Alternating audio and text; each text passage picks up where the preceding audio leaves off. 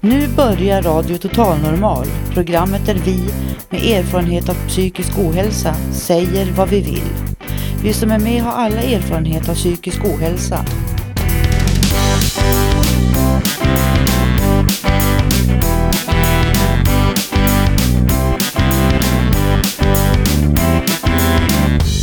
Du lyssnar på Radio Total Normal 101,1. Totalt normalt. Radio Total Normal torsdagar från två till halv fyra. Vi livesänder med publik från Götgatan 38 i Stockholm. Här är alla röster lika värda.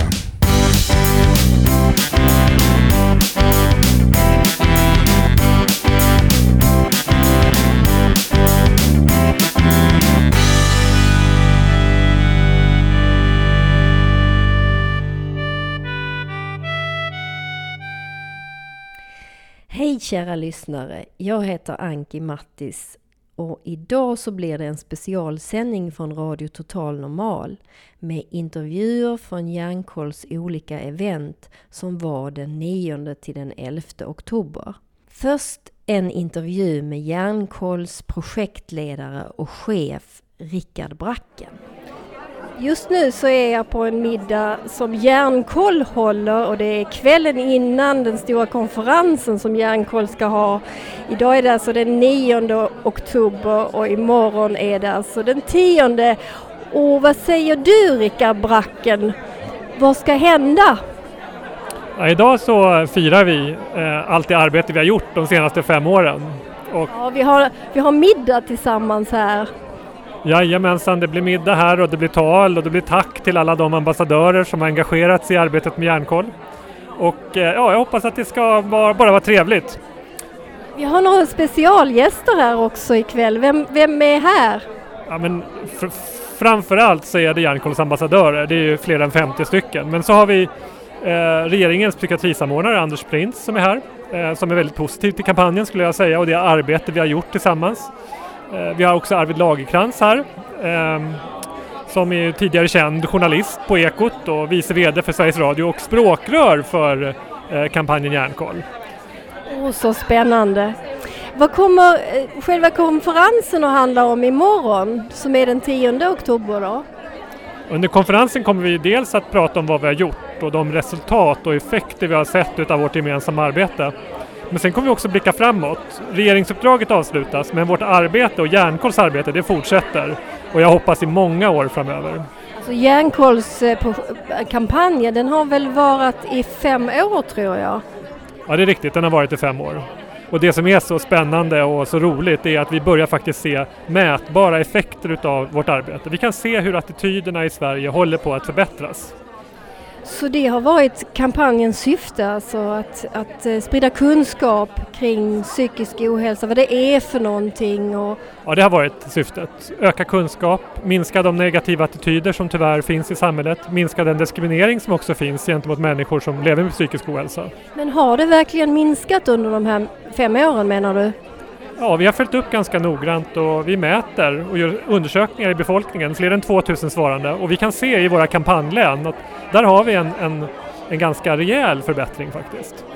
Så hjärnkollskampanjen, det har alltså varit i hela landet som det har varit i olika, olika län som har engagerat sig och vissa mer och mer intensivt. Hur har, hur har man då fått fram de här, det här budskapet om, om eh, öka kunskap om psykisk ohälsa? Så vi, vi försöker, det vi arbetar med är väldigt mycket att försöka eh, förändra mediebilden, bilden i medierna. Och istället för att det blir att man pratar om en person med psykisk ohälsa, att det är en bild på en anonym person, så hittar vi talespersoner, det är våra ambassadörer som kan träda fram och berätta om sig själv. Och det blir människor som den som tar del av det här inslaget kan känna igen sig i. Ja, visst, då liksom framgår det ordentligt att alla är vi människor och det syns inte utanpå men alla kan vi ha varit med om svåra saker i livet. Tack så hemskt mycket Rickard. Nu ska jag se om jag kan intervjua några fler här på middagen och även imorgon då när det är den stora konferensen. Var hålls konferensen? Vi kommer vara på ABF-huset på Sveavägen i Stockholm. Åh, oh, vad spännande det ska bli. Tack så mycket Rickard Bracken. Tack så mycket. Jag heter Anki Mattis för Radio Total Normal. Ja, jag är här nu på den här middagen för eh, järnkolsambassadörerna och med oss har vi eh, inbjudna speciella gäster, bland annat Arvid Lagerkrans. Berätta vem du är Arvid. Ja, jag har jobbat som journalist på Sveriges Radio i stort sett hela mitt liv. Dels som journalist och dels som radiodirektör. Men numera så jobbar jag med patient och anhörigföreningen Balans och sen har jag faktiskt varit så kallad företrädare för Hjärnkoll. Där ser man. Och eh, om, du, om du tänker på ditt liv som radioreporter och journalist i, i förhållande till att du själv har haft psykisk ohälsa vad jag förstår, eller hur? Mm. Eh, hur har det kunnat fungera? För man pratar ju mycket om att stigmatisering och fördomar och sånt har varit större förr än vad det är nu. Att Hjärnkollskampanjen har sett till att det har minskat med fördomar. Hur, hur ser du på det? Hur har det varit? Ser du någon skillnad? Ja, jag kanske har lite svårt att, att se det men det är klart att eh, min sjukdom, en, en eh, bipolär sjukdom, har ju gått i skov så att jag har ju kunnat vara helt frisk i flera år och sen har jag varit eh, dålig och så vidare och så har jag fått elbehandling och så har jag legat i bälte och allt det här. Men, eh, oj, oj, oj, oj, oj. Ja, men jag kan säga att, att eh, jag tycker kanske att man vågar påstå att det har blivit lite lättare att prata om psykiska saker med allmänheten men inte så mycket utan fortfarande är det en tabufråga. Dina arbetskamrater, dina chefer och så, eller du var ju chef själv, men dina arbetskamrater, kunde du berätta för dem vad du, vad du hade varit med om eller? Ja, det gjorde jag eh, kan man säga. Hela mitt liv så har jag berättat för mina arbetskamrater och också för mina chefer eh, att jag hade det här och att det kunde komma upp och så vidare. Och det, det har fungerat ganska bra och eh, jag tror att inom journalistiken så har man varit mera förstående. Nu så kallar de på, nu ska de berätta och samla till middagen. Så vi avslutar intervjun men tack så hemskt mycket Arvid Lagerkrans.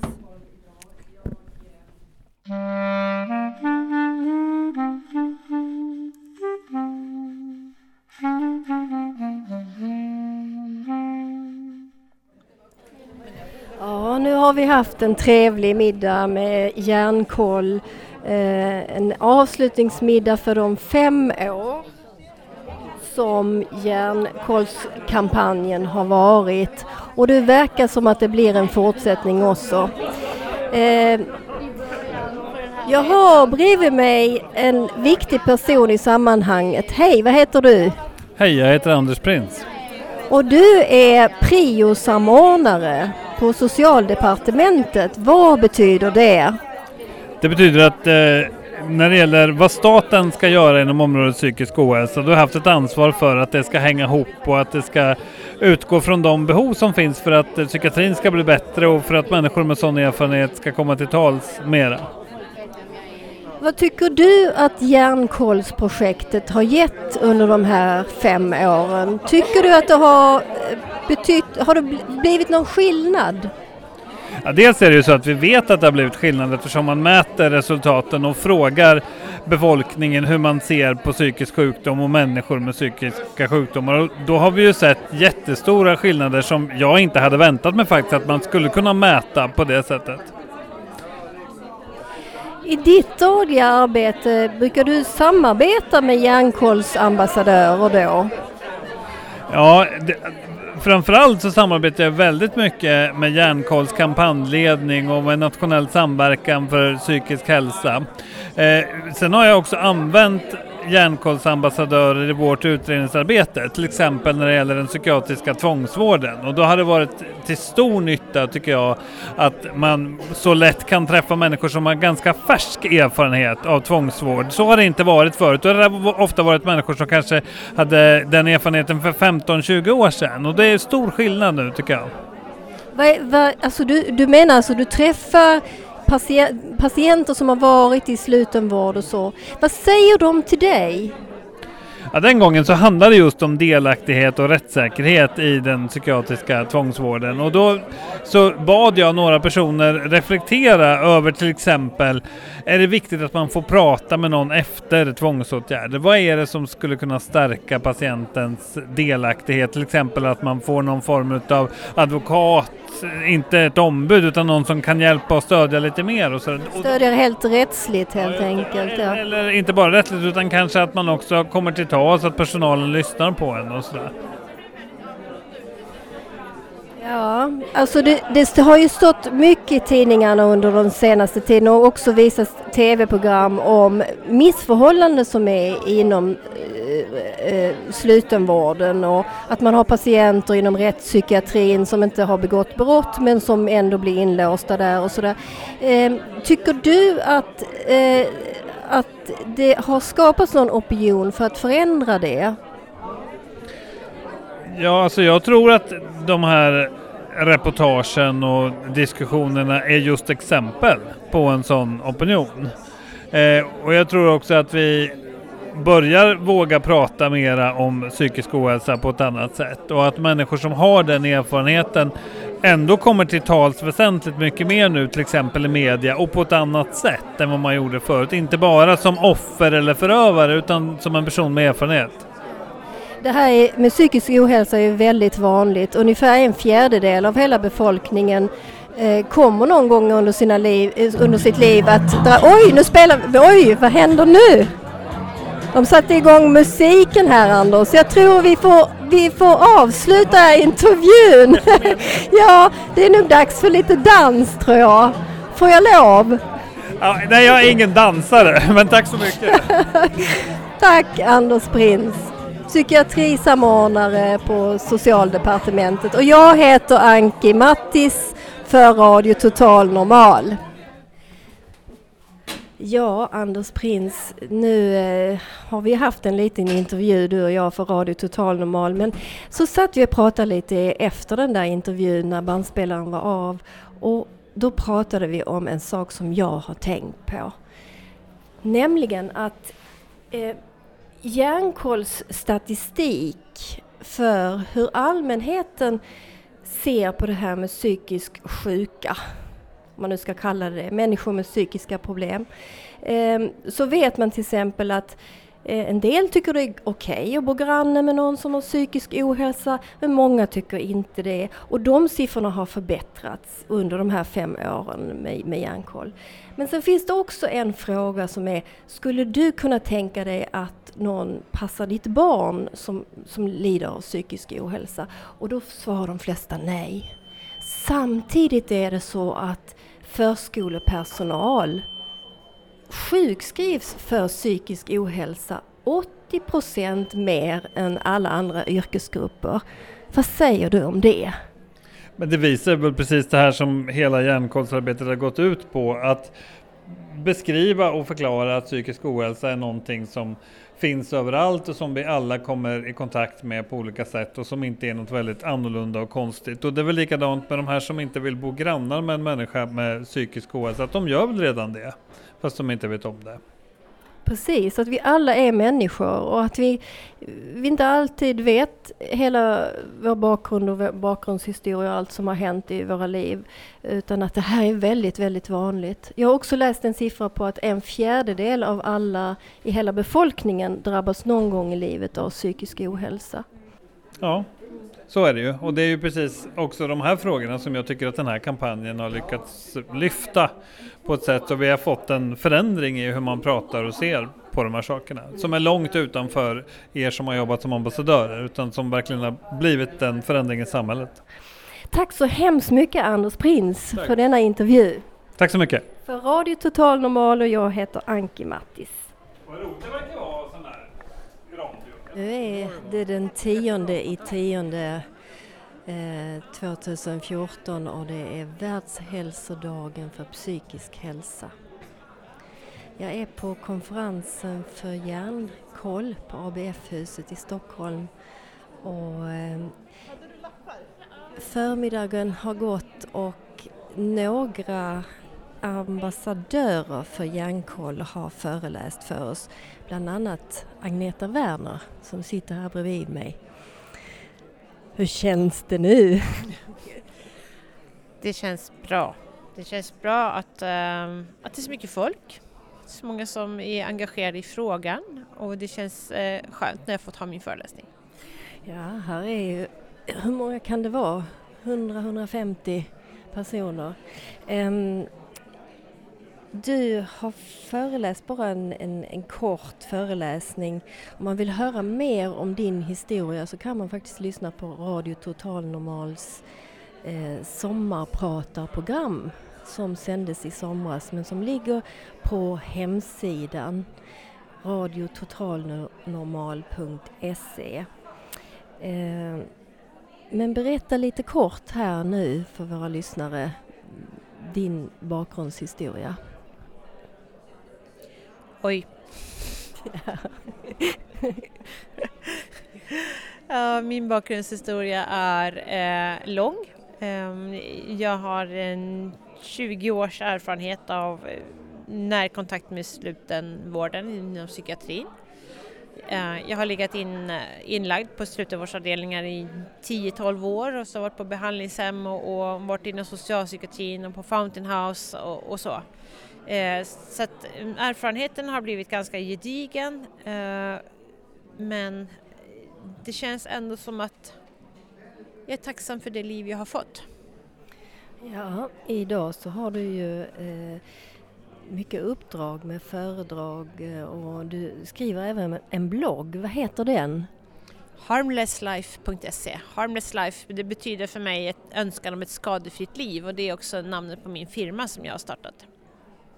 Ja, för din, dina problem handlar bland annat om självskadebeteende, eller hur? Mm. Ja, självskadebeteende är det som har varit min grej.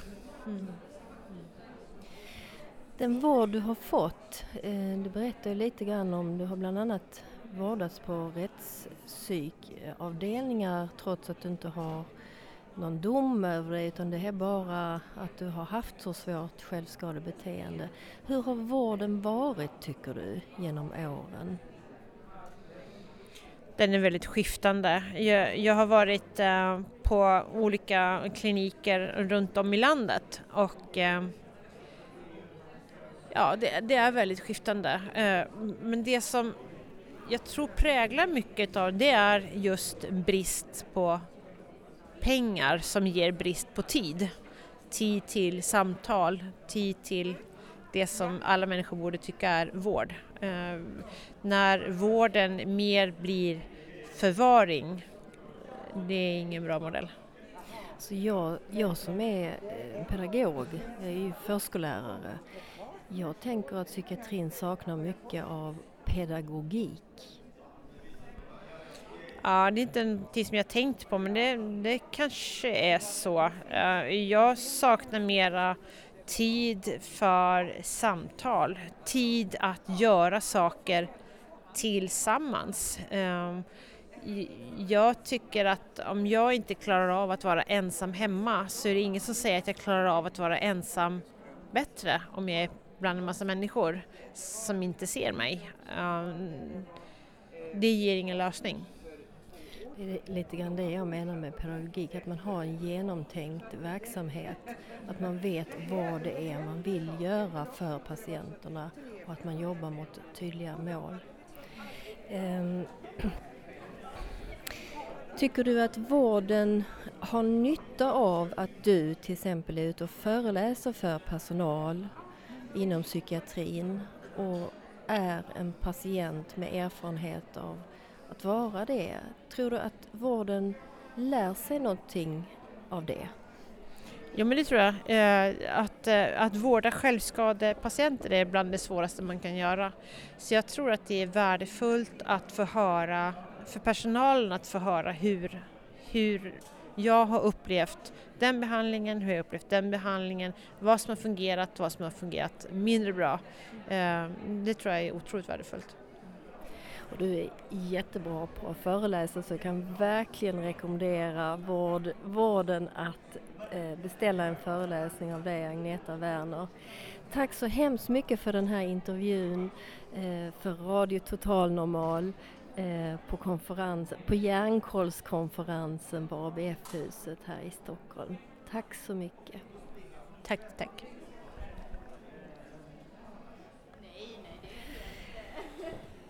Ja, lite mer från konferensen, Hjärnkollskonferensen på ABF-huset den 10 oktober som är världshälsodagen för psykisk hälsa. Och nu bredvid mig så har jag Magnus Lindblom som också är ambassadör för, eh, för Hjärnkoll och har föreläst lite grann här för oss på förmiddagen. Hej Magnus! Hej hej! Hur är läget Anki?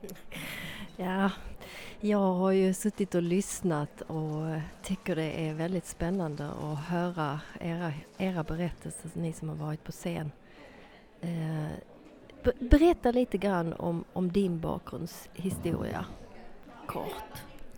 Ja, jag äh, har ju liksom psykisk ohälsa i släkten sedan några generationer tillbaka. Och, äh, själv så fick jag min första psykos när jag var 18, 19 år gammal, någonstans där omkring. Eh, Hur gammal är du nu? 29 är jag idag. Så jag har 10 års erfarenhet av det här och jag säger att eh, när jag först insjuknade så tyckte jag att det var dels eh, eh, jobbigt att prata om det och eh, liksom, jag förnekade det till och med. Eh, problematiken. Speciellt när jag mådde bra. Så de blir det som en cykel liksom. Och sen när man mådde dåligt så var det liksom um, ja, uh, uh, ja, så sökte jag hjälp och sen så, uh, ja, så det, det är liksom, um, jag tror att det var en, en process i sig att förstå sig själv och sin problematik och den kanske jag fortfarande är i den processen. Du, när jag ser dig och hör dig så skulle jag bara kunna säga helt normal kille, inget fel på honom. Uh, ja, what's the problem? Kan ja. du förstå det? Uh, ja, på sätt och alltså, när jag mår, mår bra då är jag liksom högfungerande ja. och går till ja, jobbet. det är du verkligen. Och, uh, jag har en dotter på två år som jag lämnar på dagis på morgonen och nattar på kvällen och en hund som jag rastar. Och, eh, ja, så att, eh, men sen så kommer det eh, tider då jag mår lite sämre. Och just den här öppenheten att kunna prata om det och, och kanske söka hjälp eller stöd i tid innan man faller liksom riktigt djupt är, har ju varit eh, eh en hjälp i sig. Liksom. Du, du berättade om en händelse när du var på sjukhus en gång och mådde som sämst. Och, men du hade drömmar om att jobba i en musikaffär. Och du berättade här för en vårdpersonal och, och fick ett... Ja, berätta, vad fick du för svar? Ja, hennes inställning var att jag med min bakgrund och min problematik inte skulle kunna konkurrera om ett sådant arbete som det är ganska stor konkurrens om. Um, och, ja, det uttryckte hon på ett ganska klumpigt sätt. Och så här i efterhand så tror jag att hon kanske var lite rädd om mig. Hon ville liksom att jag skulle, inte skulle må dåligt och, och, och sätta ribban för högt. Och sen så lyckades vi ju faktiskt eh, att eh, ja, först skaffa en praktikplats som sen övergick till en anställning. I, ja, på en firma vilken, som jobbar vilken... med ljud, ljudteknik och, och, och, och, riggar och hyr ut högtalare och riggar eh, liveljud på konserter. Så, så att där, där, eh, Hon fick verkligen fel. Ja, men det blev en sporr. Jag kommer ihåg det när jag blev utskriven där och jag faktiskt så pratade jag med henne. Eller jag, hon gav mig en kram och sa att du är en riktig överlevare. Och det är väl utifrån hennes perspektiv liksom, att jag var en överlevare som gick från att uh, må så dåligt som jag gjorde till att uh, må bra och Eh, eller må bättre. Men sen så tror jag också när jag, när jag ser tillbaka de här tio åren som jag mått dåligt så eh, man ser det lite, då får man lite fågelperspektiv på det och ser de här tiderna då jag inte mått bra. Liksom att de, de kommer ju eh, mellan varven och, och, då gäller det väl liksom att eh, eh, eh kanske inte gå och fundera för mycket på det att det ska komma men att eh, vara förberedd och kanske liksom eh, förstå att eh, det är en del av, av mitt livs cirklar liksom. Du, du sa också en annan sak som jag tyckte var så bra. Det här att när du mådde som sämst så hade du behövt höra någon som, som du idag eh, berättar om att man faktiskt kan må bra igen och få ett liv att fungera. Ja, alltså när jag mådde som sämst var min första kontakt med, med hjälp var ju en sluten psykiatrisk avdelning där man såg personer liksom som hade mått väldigt dåligt under längre tid och, och, och um, att uh, om det hade kommit dit någon kanske som hade berättat om, om, om hur man hanterat den här problematiken och, och um, kanske det skulle ha varit, uh, ja, gett hopp. För att, uh, Ehm, det var nog eh, en, en, en, eh, att, att få en diagnos som från början var paranoid schizofreni och sen eh, läsa på liksom, på Wikipedia-artiklar om vad det innebär. Eller vad det stod då på sådana här artiklar så var det liksom ganska så dystert. Eh, Sådär. Och, det har ju tidigare påståtts att man aldrig skulle kunna tillfriskna från det men statistiken säger ju att 20-30 procent i västvärlden tillfrisknar från just schizofreni. Och i, i eh, u-länder är det ännu högre eh, siffror som tillfrisknar. Eh, där är det två tredjedelar ungefär som blir friska och fungerande i samhället igen.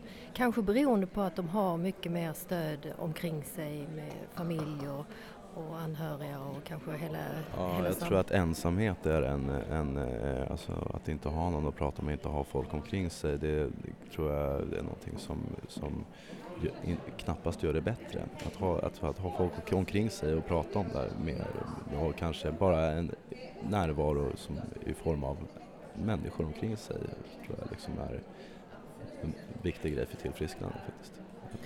De anhöriga betyder mycket för vår psykiska hälsa överlag tror jag. Mm. Vilken diagnos det än handlar om, depression eller ångest eller psykoser som du har haft. Mm. Men du, nu börjar det dra ihop sig här. Nu ska dagen fortsätta. Jag ser att det är folk uppe på scenen här framför oss nu. Är det någonting du skulle vilja avsluta med, vår lilla intervju? Uh, ja, och det är väl att uh, jag är jätteglad över att vara här. Jag tror att du och, och, alla som är ute och föreläser har jättestor betydelse för hur vården ser också på patienter. När man ser patienter in action när allting funkar så att säga. Inte bara i ett nattlinne på ett sjukhus så att säga. Mm. Ja, och det är ju jättekul att träffa personal som tidigare har vårdat den också och prata med dem. Det är väldigt roligt. Tack så mycket Magnus. Radio Total Normal. Jag heter Anki Mattis. Ja, nu har jag fått tag på någon speciell här på konferensen, Hjärnkollskonferensen. Um, vad heter du och vad gör du här? Mitt namn är José Figueroa och jag är fotograf. Och jag håller med på dokumentera dagen som sen det kommer att bli en väldigt kort, lite informationsdokumentärfilm för hjärnkoll. Aha, en, en informationsdokumentär om hjärnkoll. Var, kommer den att sändas någonstans eller vet du någonting om framtiden med det? Det kommer sändas över nätet, om webben. Eh, vet inte riktigt hur. Det, det är Hjärnkoll som kommer att ta hand om den där. Så förmodligen kommer den att läggas upp på Hjärnkolls hemsida. Ja. Alltså hjärnkoll.se. Eh, vad spännande. Vilka intervjuar du och vad har du hittills gjort för dokumentärens inspelning?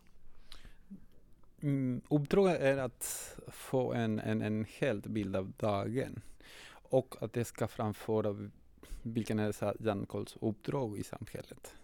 Då jag har intervjuat eh, många ambassadörer, Hjärnkollsambassadörer och sen andra mm, vad ska jag säga, personligheter som, som kommer som har någon roll från både från staten och privata organisationer. Man, man förstår vilken viktig roll de har de här ambassaderna har för att förmedla att det är någonting som kan drabba vem som helst och det finns ingen skam bakom psykiska sjukdomar.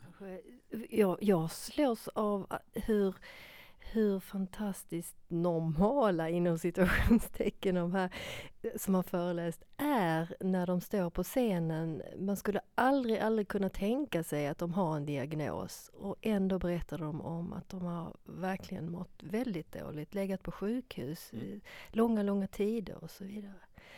Ja. Eh, har du något litet slutord innan vi avslutar vår lilla intervju här?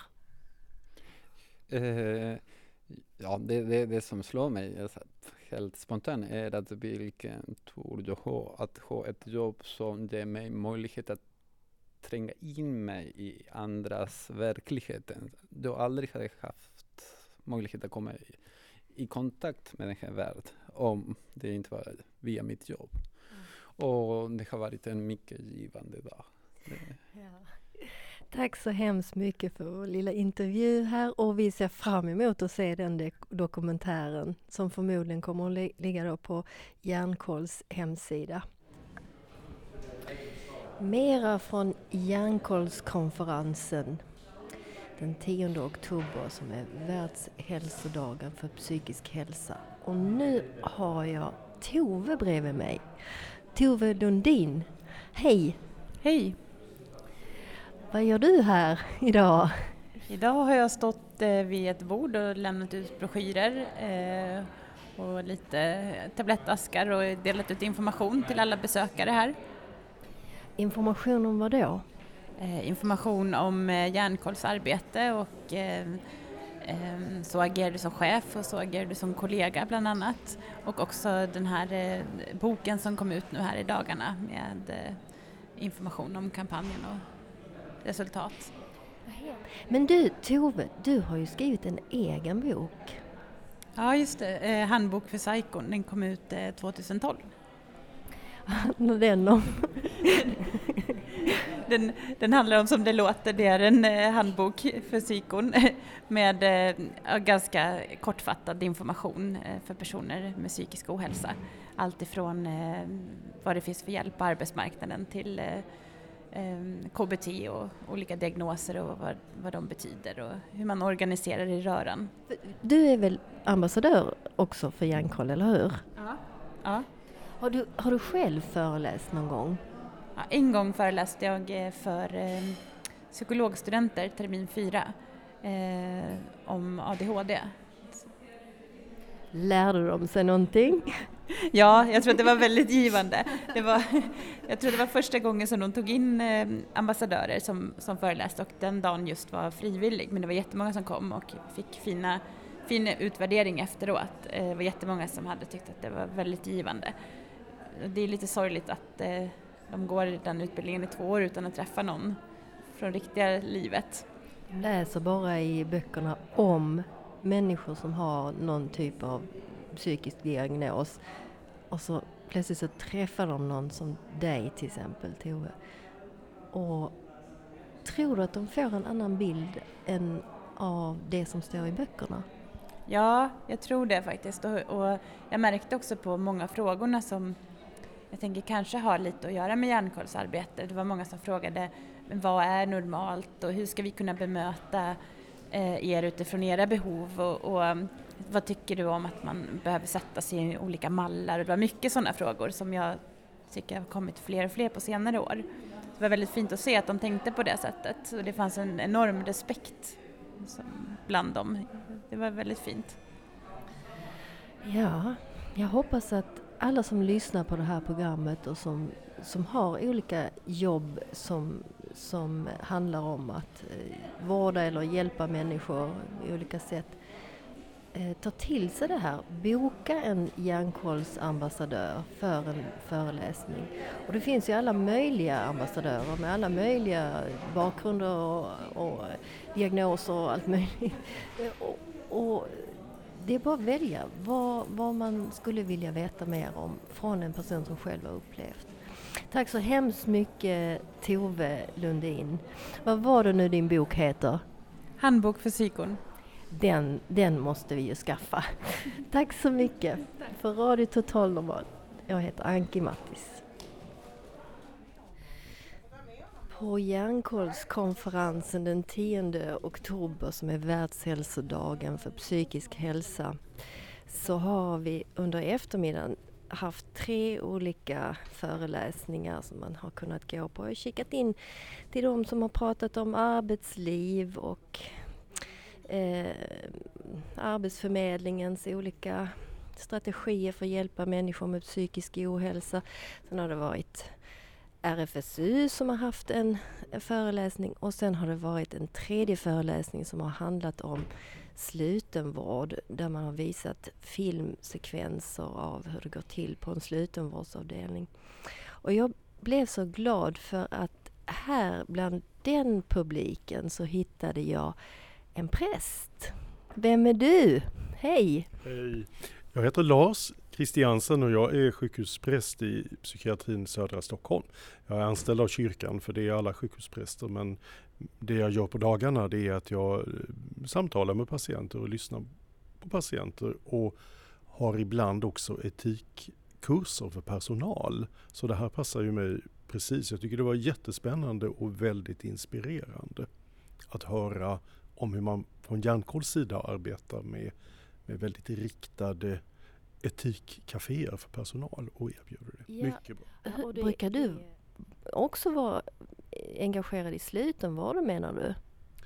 Ja, det, det, kan jag vara på lite olika sätt. Dels därför att eh, patienter vill samtala med mig när man är i slutenvård. Um, det kan ju vara patienter som jag känner från tidigare men det kan också vara existentiella eller andliga eller religiösa funderingar som dyker upp när man är i slutenvård.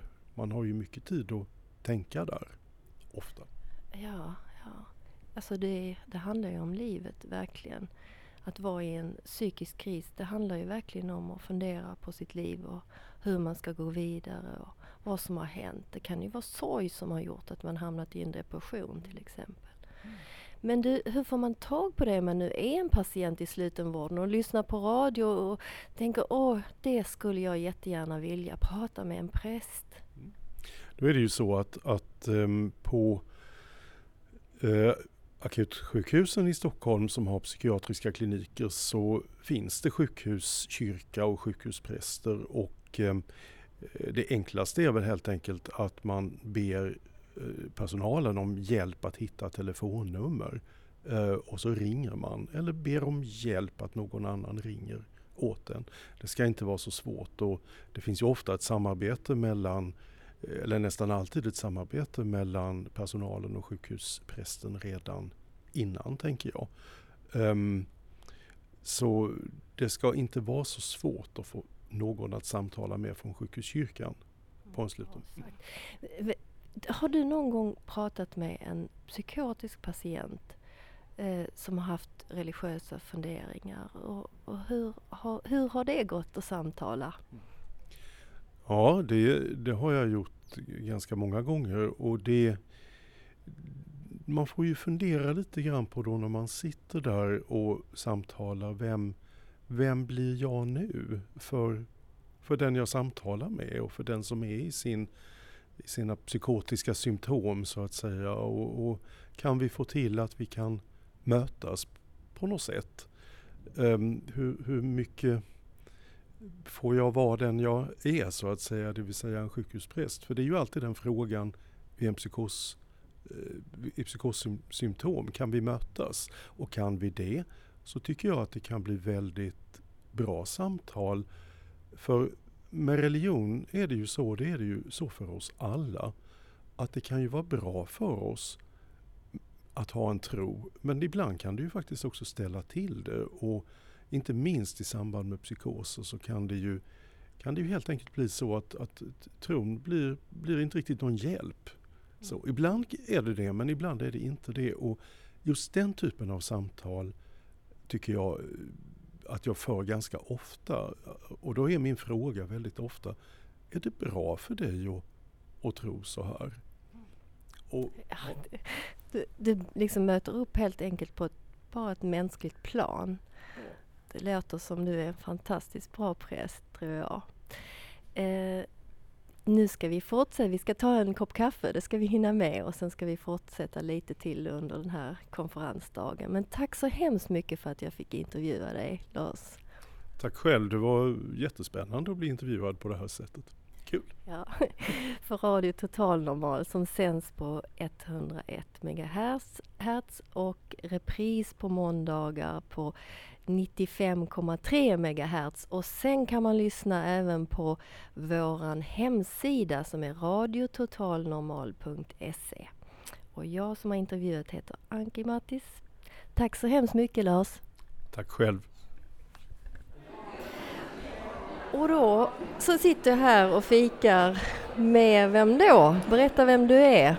Jag heter Per Torell och jag är förbundsordförande i något som heter Intresseförbundet för personer med schizofreni och liknande psykoser.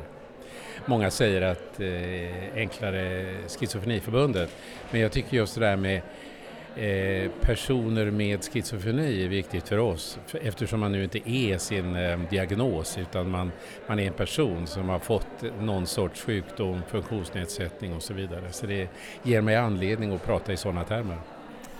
Ja, alltså Världshälsodagen för psykisk hälsa det är ju Världshälsoorganisationen som anordnar det här varje år den 10 oktober. Och i år så är faktiskt temat schizofreni, eller att leva med schizofreni. Har ni gjort någonting från Schizofreniförbundet, några speciella aktiviteter just för att uppmärksamma det här? Eh, nej, det har vi faktiskt inte gjort utan vi, har, vi, vi håller på hela tiden med att försöka aktivera våra medlemsföreningar att ställa upp på olika, till exempel som idag. Och ehm, just idag är det ju rätt många sådana här psykiatriska veckor eller psykiatriska dagar eh, eh, hela den här perioden och då har man naturligtvis medverkat så mycket som möjligt vid de tillfällena. Ja, för jag har, jag har tittat lite grann på de olika eventen som har varit runt om i Sverige och faktiskt inte så mycket som har uppmärksammat just eh, den diagnosen av eh, schizofreni och psykos. Mm. Jag kan rekommendera dig på, på eh, Radio Total Normal så gjorde vi förra veckan ett temaprogram om just schizofreni, så lyssna på det Per. Ska du göra det? Jag ska lyssna på det, absolut det ska jag göra. Och ehm, det är ju, alltså jag var på en konferens igår. Jag var på en, eh, och vid andra sammanhang. Alltså det är stora tunga frågor som vi håller på att brottas med. Riktigt, vi, upplever att vi brottas med dem. Och det som jag fick en ny input i och som vi har talat om rätt mycket nu, det är det här med överdödligheten. Alltså personer som har schizofreni, de dör då eh, 20 år tidigare än i normalbefolkningen. Och det, man förlorar alltså 20 år av sitt liv. Samtidigt, det är dystert, det är förfärligt och det, är, det finns en hel del forskning omkring det här och vi ska börja nu att eh, försöka eh, gå i närkamp med just den där delen utav de svåra effekterna av schizofreni. Jag, jag har läst mycket om det för att det är mycket tunga mediciner som schizofrenipatienter får.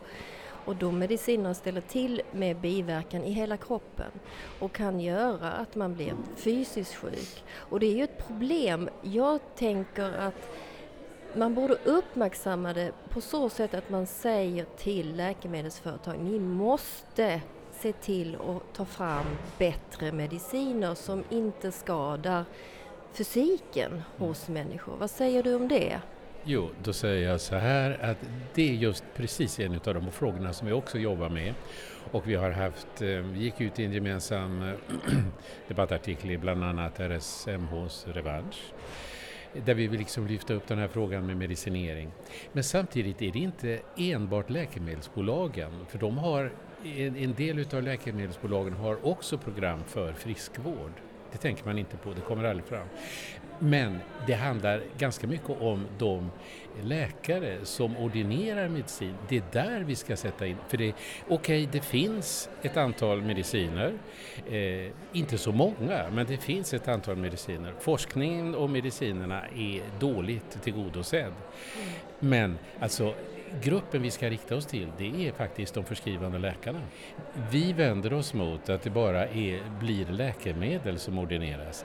Det är många, många andra insatser som också borde eh, ordineras eller man borde tänka på i det här sammanhanget och det är inte enbart psykiatrin utan det är också kommunen. Alltså stödinsatser som ska till.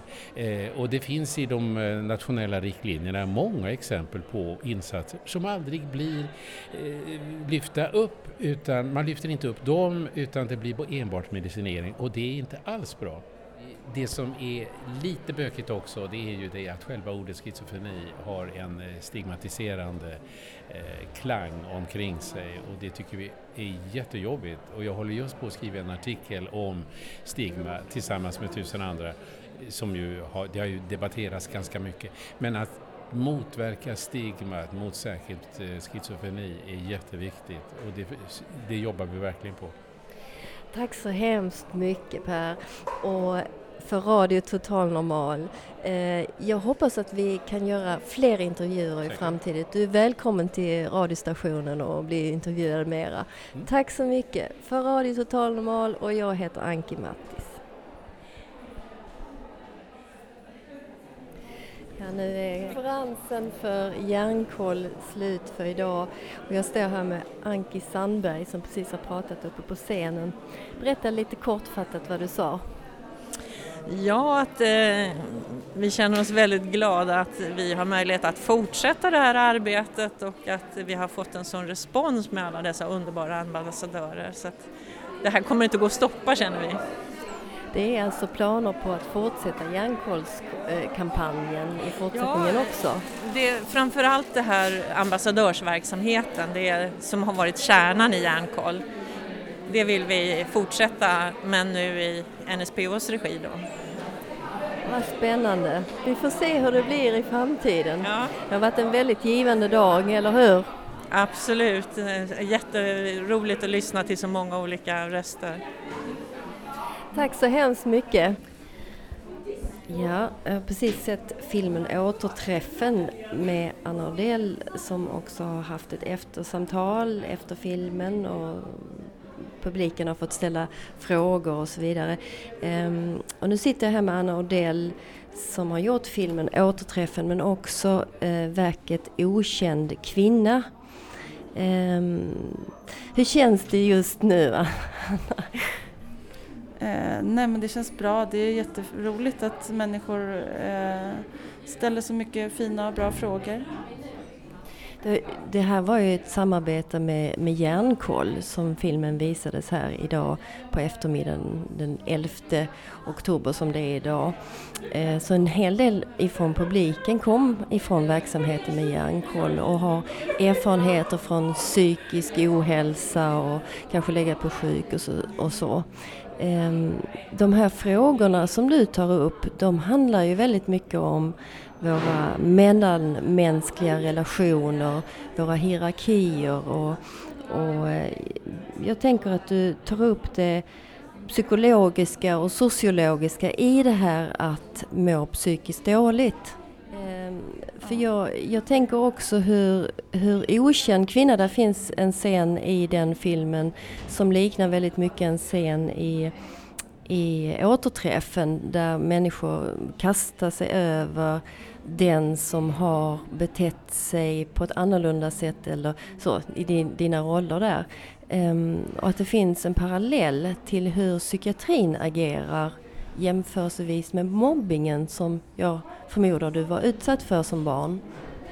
Ja, eh, det är, det är lite det eh, ingången för mig att göra filmer var ju det, att jag har den erfarenheten och sen att jag använder mig av den för att undersöka någonting som jag tycker är både, både intressant för egen del men också viktigt samhällsmässigt. Hur ska man göra för att få bort mobbing i skolor? Alltså, det, jag är ju inget proffs alls men jag tror ju att man en förutsättning är ju, som inte finns idag vad jag förstår det är att man utbildar lärare. Eh, och har inte, är det för mycket liksom ansvar att lägga på lärarna så får man utbilda andra människor som får finnas bland barnen i skolan. Men, men det är klart att en ledare för en grupp måste ju veta hur man eh, tar hand om en grupp på ett bra sätt och vad man eh, att på något sätt visa att det här är okej eller det här är inte okej. Eh, och, och, det tror jag skulle göra stor skillnad om man hade den, eh, det kravet som jag tycker man borde ha både inom skolan men också inom menar, alla typer av yrken där det finns en chef eller en ledare. Har du en, jo, det var en, en intressant sak som, som kom upp i, i eh, paneldebatten efter filmen. Det var det här att du sa att någon som blir mobbad inte alltid bara är ett offer utan kan vara någon som konkurrerar eller är ett hot. Berätta lite mer om det. Nej men alltså vad jag menar ett offer, om någon mobbas så är den ju ett offer. Det är inte så jag menar, men jag menar att eh, en person, ibland kan någon bli mobbad för att den är annorlunda och i, i den gruppen så är det inte eh, någonting som man, som kanske eh, är någonting man gillar eller så. Men, men jag, jag, tror att det är en missuppfattning när man tror att man, den som blir mobbad blir det för att den är annorlunda. Och det är det jag menar att man kan, jag tror att man också kan bli mobbad för att eh, någon annan upplever en konkurrens om en plats eh, i hierarkin eller och, och, där om någon, om en annan har ett, ett sådant beteende där man faktiskt utesluter andra kan då välja att någon som den känner, den här konkurrerar om samma plats jag vill ha i gruppen kan välja att trycka ner den och, och, och ibland då få med sig andra. Det, det, är en jätteviktig reflektion för att det, det handlar ju också om att, att det inte bara handlar om svaghet hos den som blir mobbad utan det kan handla om en oerhörd styrka, en kunskap, en talang som inte uppskattas av andra. Tack så hemskt mycket Anna för denna intervju för Radio Total Normal. Tack! Tack så mycket!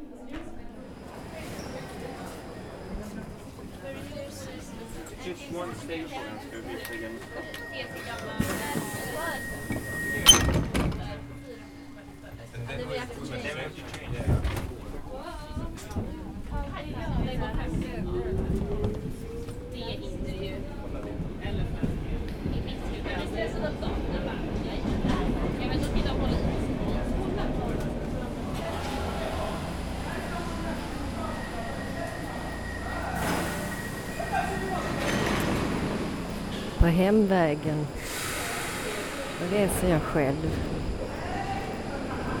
På väg hem till min katt efter en hel helg av järnkollskonferens, filmvisning, föreläsning, föreläsningar, uppträdande, intervjuer. Mycket att tänka på som har hänt.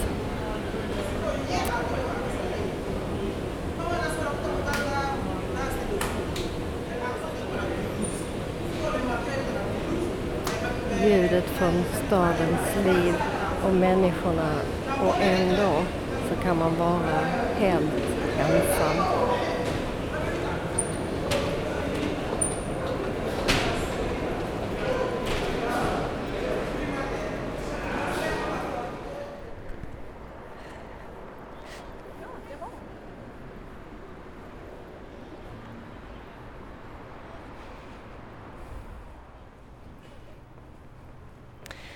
Världshälsodagen för psykisk hälsa.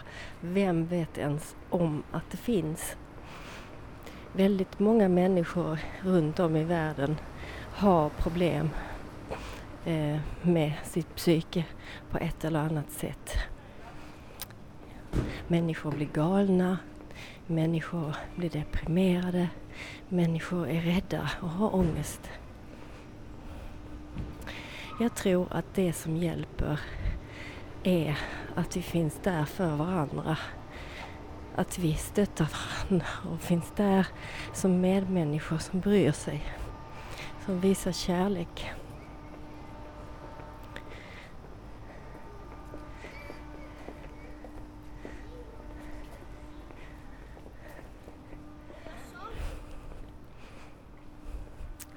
Hallå!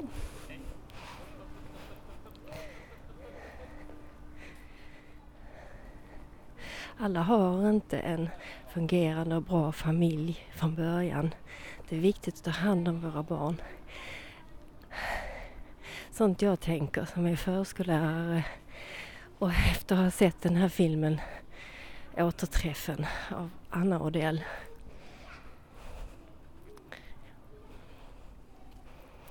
Att lämna barn i sticket med att försöka leda varandra där vissa kanske inte mår så bra och mobbar och retar och elaka.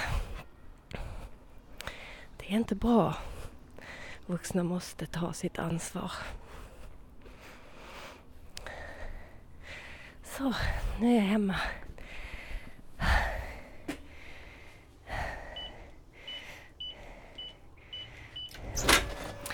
Jag heter Anki Mattis för Radio Total Normal. Hejdå! Det här var en specialsändning från Radio Total Normal om Järnkollskampanjens event som har varit i, i helgen den 9 till 11 oktober 2014. Nästa torsdag har vi ingen livesändning men eh, då sänder vi ett väldigt bra program i repris istället. Och på lördag den 25 oktober så blir det en inspelad sändning från Stadsmuseets utställning Skuggsidan klockan 13.00. Alla är välkomna som publik men Stadsmuseet kostar inträde. Tekniker idag var Jakob Moe och producent var Emma Lundenmark och ansvarig utgivare var Malin Jakobsson. Och jag som var dagens programledare heter Anki Mattis. Tack så hemskt mycket från oss. Hej då!